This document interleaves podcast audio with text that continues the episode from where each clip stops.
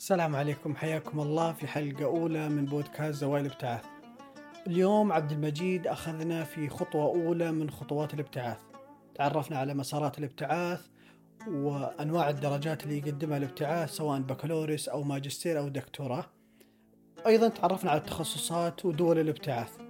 كانت حلقة مميزة بتواجد عبد المجيد ضيفنا الدائم إن شاء الله وأحد أعضاء بودكاست زوايا الابتعاث.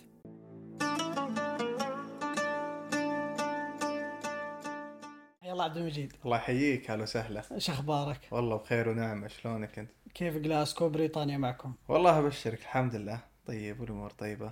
انتهى الصيف والصيف كانت أجواء جميلة ما هو حر السنة ذي آه يا الصيف والله الصيف سالفته سالفة. ما تدري تحب الصيف ولا تكرهه. ميزة الصيف يخليك تطلع برا لكن ما يخليك تنام زين. إحنا عندنا في بريطانيا ما في مكيفات في البيوت فنتعب من ناحية المكيفات والهواء ما في يعني ما في تكييف امم وكذلك الشمس تغرب الساعة عشرة عشر الليل. إيه. فمتعب جدا. ننتظر الشتاء. ولا جاء الشتاء من البرد يعني نبغى ال- ال- الحر. إيه. فالوضع ما كذا في أحد يعني. مرتاح. اي سبحان الله. وأنتم بالعادة يا طلاب البكالوريوس ما في دراسة عندكم في الصيف ولا في اترم صيفية؟ آه بالنسبة لطلاب البكالوريوس النظام جدا مختلف في بريطانيا عن أمريكا أو أمريكا أو السعودية طبعا النظام السعودي مشابه للنظام الأمريكي لكن في بريطانيا طلاب البكالوريوس ما عندهم مواد يقدرون يضيفونها في الصيف ولا عندهم مثلا الترم الثالث. فنظام في بريطانيا الصيف عندك ثلاثة شهور أربع شهور فاضي فيها. فتعتمد على الطالب كيف يستغلها سواء internship يرجع عند أهله يشتغل يقرأ. ففترة جدا آه، ثمينة الأربع شهور.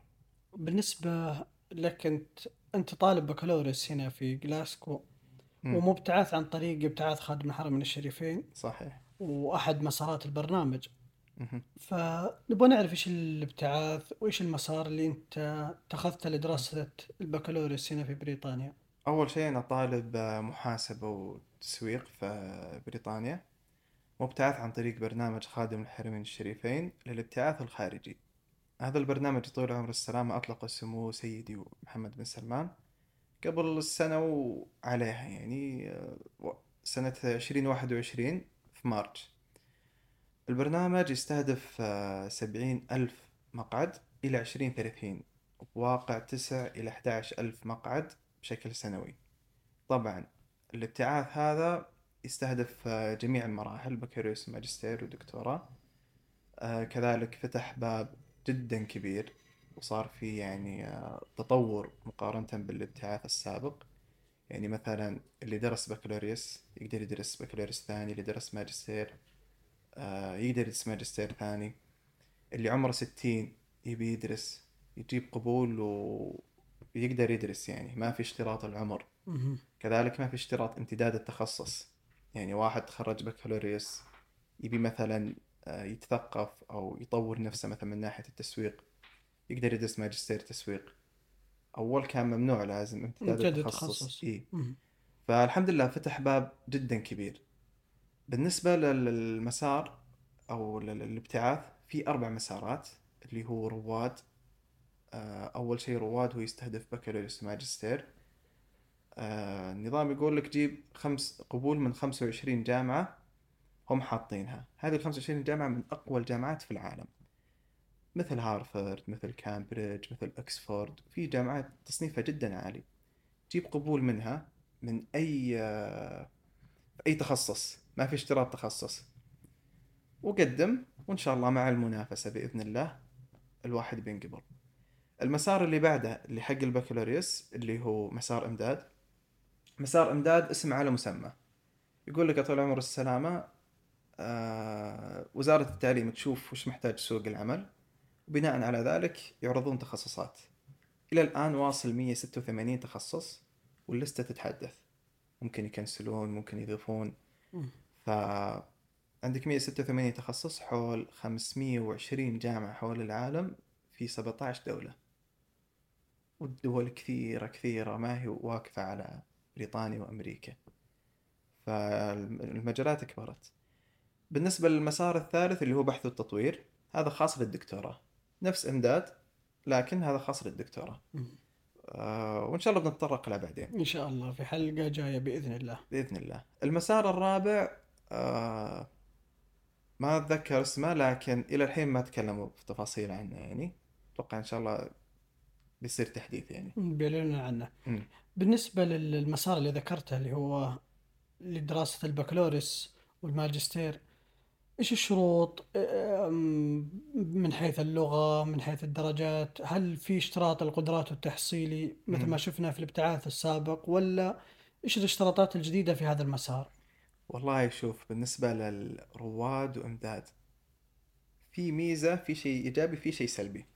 الشيء الإيجابي طال عمر السلامة يقول لك إذا أنت بتطلع مثلا عندك قدرات تحصيلي مثلا ما جبت درجات كويسة لكن متوفق بالثانوي ال- ال- ال- وزارة التعليم تقول لك جيب لي قبول بس. أنا أبغى ورقة قبول.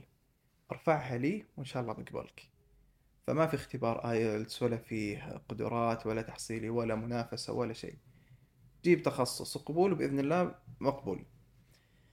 النقطة السلبية اللي تكون نقطة سلبية للبعض آه، اللي هي اللغة الإنجليزية. أول الابتعاث السابق كان يخليك تدرس لغة إنجليزية الحين لا.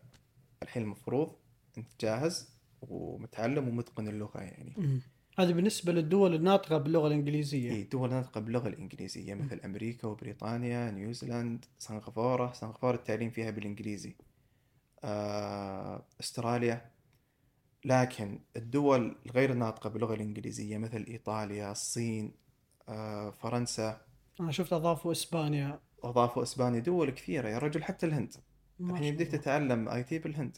مم. آه، تتعلم لغتهم أتوقع إلى سنتين. هي أتوقع على حسب مدة اللغة آه، ال- ال- الوزارة تعطيك يعني وقت مم. محدد. ف وأيضا شفت كوريا والصين و... إي دول دول دول كثيرة. حول 17 دولة. هذه ما شاء المسار الله. إمداد يعني. ما شاء الله. وماجستيري وبالنسبة للتخصصات ترى توسعت التخصصات. يعني دائما نسمع على تخصصات اللي هو هندسة إدارة طب.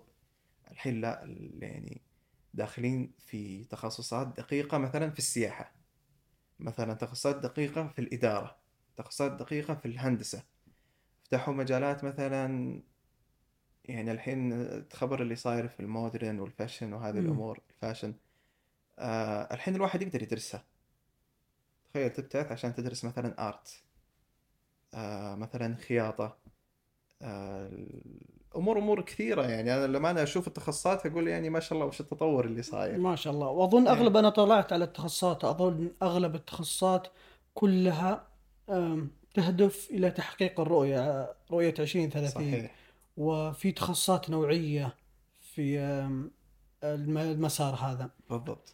بالنسبة للطالب آه، أو الطالبة اللي مخلصين المراحل الثانوية أو في ما بعد المرحلة الثانوية. مم. يطمحون في الحصول على قبول و يعني مو عارفين إيش المسار أو ال- التخصص أو الجامعة اللي يقدمون عليها. يعني إيش نصايحك لهم بما أنك أنت أحد المبتعثين في هذه المسارات؟ والله طول العمر السلامة أول شيء أقول آه الله يعينهم. قدامهم يعني وقت والله يسهلها عليهم. لكن شوف الفترة اللي هي بعد الثانوي تكون غالبا فترة ضياع. لأن الواحد ما هو عارف وين يروح وين مساره. الجامعة التخصص بعد ما يدرس بقي 40 سنة هو يشتغل فيه. فنسأل الله لهم العون يعني. يا رب. إيه. آه بالنسبة لكيف تختار شوف أنا من وجهة نظري آه باقي على الرؤية تقريبا سبع سنوات. الواحد يشوف وش يقدر يساهم في هالرؤية ويشوف وش هو متوافق معها. آه يطلع على الرؤية يقرأ الرؤية ويشوف وش يقدر يساهم مثلا الطاقة المتجددة. آه تخصصات كثير تقدر تساهم في الرؤية. ويشوف هو وش متوافق فيه. ويتوكل على الله يختار المدينة والجامعة. كذلك آه، اللي عنده لغة إنجليزية. أنا أقول إذا عندك قابلية تدرس لغة ثالثة ترى بتكون فرصة جدا كبيرة. يعني مثلا الحين اللي يتكلم إنجليزي. وله مثلا قابلية يروح للصين. الحين في في آه، آه، علاقة بين السعودية والصين. حتى الحين آه، صايرين ندرس الصي- اللغة الصينية في مدارسنا. صحيح. فبتكون نقطة جدا قوية لما تتعلم اللغة الصينية و- ترجع للسعودية. غير كذلك التخصص اللي درسه. مثلا اللي بيدرس سياحة. ليش ما تدرسها مثلا في إسبانيا؟ تتعلم اللغة تتعلم على أهل البلد. وترجع للسعودية أنت متعلم سياحة وعندك إنجليزي وعندك إسباني وتتكلم عربي وفاهم الكلتشر الإسباني. كذلك اللغة الإسبانية تعتبر ثالث آه، آه، أكثر لغة من ناحية النطق أو. متحدثين. فنقطة جدا آه، قوية يعني.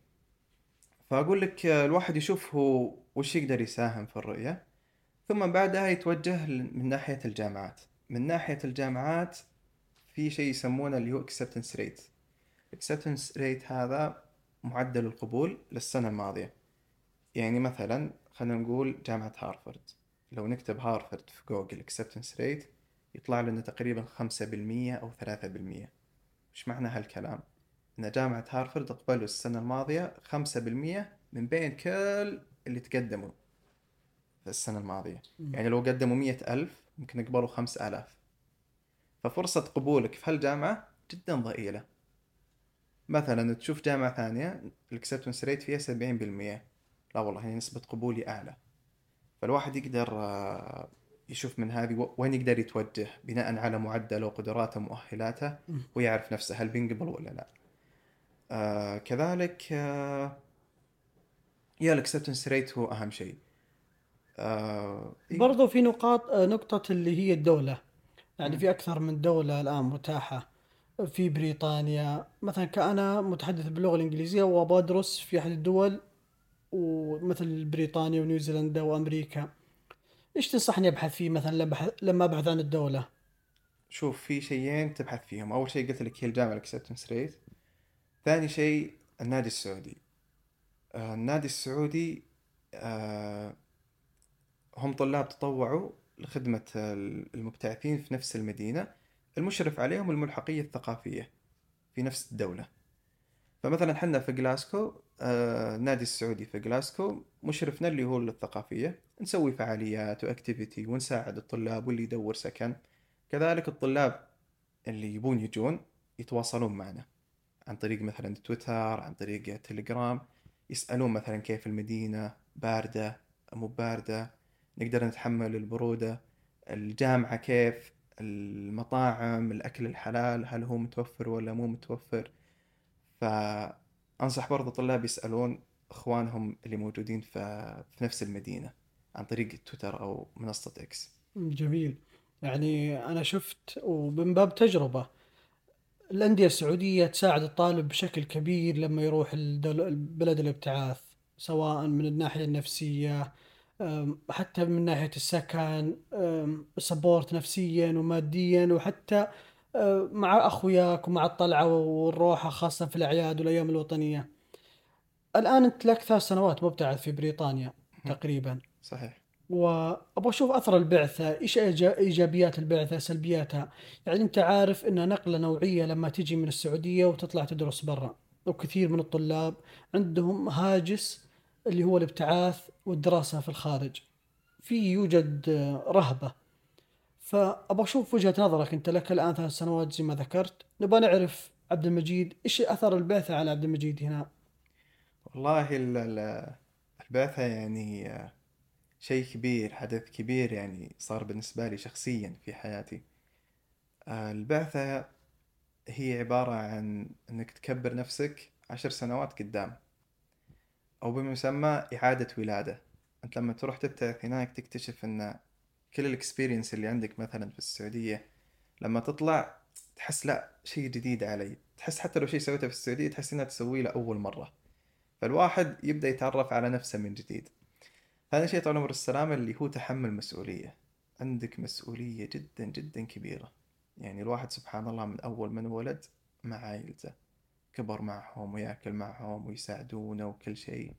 يعني حتى في أمور مثلا في السعودية الواحد مثلا انطاح في مشكلة ممكن يقدر يحلها بس لازم يتواصل مثلا مع الوالد يتواصل مع أحد الأصدقاء يتواصل مع ولد عمه ولا شيء فهمت؟ في أحد وراك في أحد تقدر تتكل عليه. لكن هنا في الابتعاث تكتشف لا والله أنت بلحالك أنت ما يمديك تتصل لا على أبوك ولا يمديك تتصل على خويك ولا تعرف أحد. فعندك آه، مسؤولية جدا كبيرة. ثاني شيء دور الأم. الأكل وما الأكل و... ما في أنت بتقعد تطبخ. لازم تتعلم تطبخ ولا الله يعينك؟ تصرف صح. واجد على المطاعم. أنا شفت واحد مبتعث يقول الفائده اللي استفدتها من الابتعاث ده مع كل كوب رز كوبين موية. يعلمك كيف تطبخ الكبسة وتتعلم كل فعلا. حاجة. فعلا. أنا بالنسبة لي يعني أنا ترى ما كنت أعرف أطبخ. مم. أنا الحين وصلت لمستوى أطبخ طبخات شعبية. ما شاء الله تبارك يعني أنا الله. أتوقع أقدر أفتح لي مطعم شعبي الحين. أسر منتجة ما شاء الله تبارك الله. وبرضو في من ناحية الغربة يعني وال homesick والاشتياق للبلد مم. أكيد إنك مريت فيها. كيف قدرت تتخطاها؟ إيش الأشياء اللي ساعدتك؟ أوصف لنا هذا الشعور وكيف قدرت تتخطاه. شوف أنا برأيي الهومسك مرتبط بشيء الوحدة. متى ما صرت وحيد ضربك الهومسك. فأول شيء لازم تبعد عن ال- ال- الجلسات بالحالك. ثاني شيء لازم تتعرف لك على السعوديين. مهما كان في ناس مهما كان في ناس تعرفهم ولا شيء أو أجانب خشيت معهم أحس إنه لا لازم يكون عندك واحد اثنين السعوديين تطلع معهم. أنا من الأشياء اللي تخفف علي الهومسك السعوديين آه والطبخ السعودي. يعني مرة إذا جاني هومسك مم. أطبخ لك كبسة لحم يا رجل. خلاص تنسى الهومسك صح. برضو في نقطة ال- اللي هي ذكرت الأصدقاء سواء الأجانب ولا السعوديين أو العرب. في بعض الناس يقول لك ابعد عنهم خلك لحالك أنت فترة وتنتهي. لكن شفنا مثلا في أثناء كلامك إنه الأصحاب والأصدقاء في البعثة شيء ضروري جدا. ضروري سبحان الله. يعني شوف ميزة الابتعاث ترى أنت تروح على أساس يعني إحنا مثلا متعودين بالسعودية لو أنا بتعرف على واحد بتعرف على واحدة على نفس المرحلة العمرية اللي أنا فيها. لكن لما تطلع لباب الابتعاث أنت تتعرف على مجتمع. فأنا من أصدقائي السعوديين أغلبهم ما يدرسون بكالوريوس. اللي يدرس ماجستير واللي يدرس دكتوراه. وتوصلون لمرحلة خلاص يا أخي ما تحسه خويك تحسه أخوك. تعودتوا تاكلون سوا وتسوون كل شيء سوا تسأل عنه يسأل عنك سوي كذا لا تسوي كذا. تستشيره في أمور. فنقطة جدا مهمة. بالنسبة لموضوع أطلع برا ولا أتعرف على السعوديين أصلا تعرف سعودي ومدري إيش وعشان تتقن اللغة من ناحية اللغة يعني أنا أشوف إن شاء الله بنتكلم هذا في موضوع مخصص يعني في الله. خاصة على ناحية اللغة إيه، بعد راح نجيها إن شاء الله في إيه. حلقة نتكلم على مرحلة اللغة بإذن الله. والقبول الأكاديمي وكل حاجة إيه لكن. شيء بسيط بس على باب اللغة آه يقول لك إذا طلعت لغة لا تتعرف على السعوديين أساس إنك تركز على اللغة أنا أشوف هذا غلط أنت يمديك تتعلم اللغة حتى لو في سعوديين. آه، اللغة ما هي مقترنة بس بالسعوديين يعني. فالواحد يقدر يتعلم لغة ويقدر يمارس حياته بشكل طبيعي ويقدر يتفوق بالدراسة حتى لو ربع موجودين يعني. ففي كان اختلاف دائما الواحد اطلع ولا تتعرف. وإلى يومك يعني أنا أواجه ناس هنا لا أنا السعودي هذا ما أمشي معه. لا يا حبيبي ربعك ومنك وفيك ولو صارت لك مشكلة والله ما يساعدك إلا السعودي هنا. فعلا فعلا. آه، الآن أبغى أعرف نصايحك ولا من باب تجربتك للطلاب اللي راغبين في الابتعاث؟ نصايح لهم تقدمه تقدمها لهم قبل لا يخوضون هذه التجربة. يعني عبد المجيد الآن إيش نصايح لعبد المجيد قبل ثلاث سنوات؟ هل راح يأيد هذا القرار أو لا؟ والله أول شيء يعني أنا ما أشوف إني شخص أقدر أنصح الناس لأن يعني أنا ما أشوف إن تجربتي يعني إنها تستاهل مثلا أو مو تستاهل بس ان تجربتي يعني ما أقدر أقول لك إنها ناجحة بشكل كامل فهمت. علي؟ في إخفاقات في كذا. فما أشوف نفسي دور المرشد لكن هي من باب التجربة وإن شاء الله يعني يستفيد الجميع منها. أه شوف لو ترجع عبد المجيد اللي قبل خلال الثلاث سنوات هذه مر بمشاكل كثيرة آه، انهيارات إخفاق أشياء كثيرة صارت بالثلاث سنوات.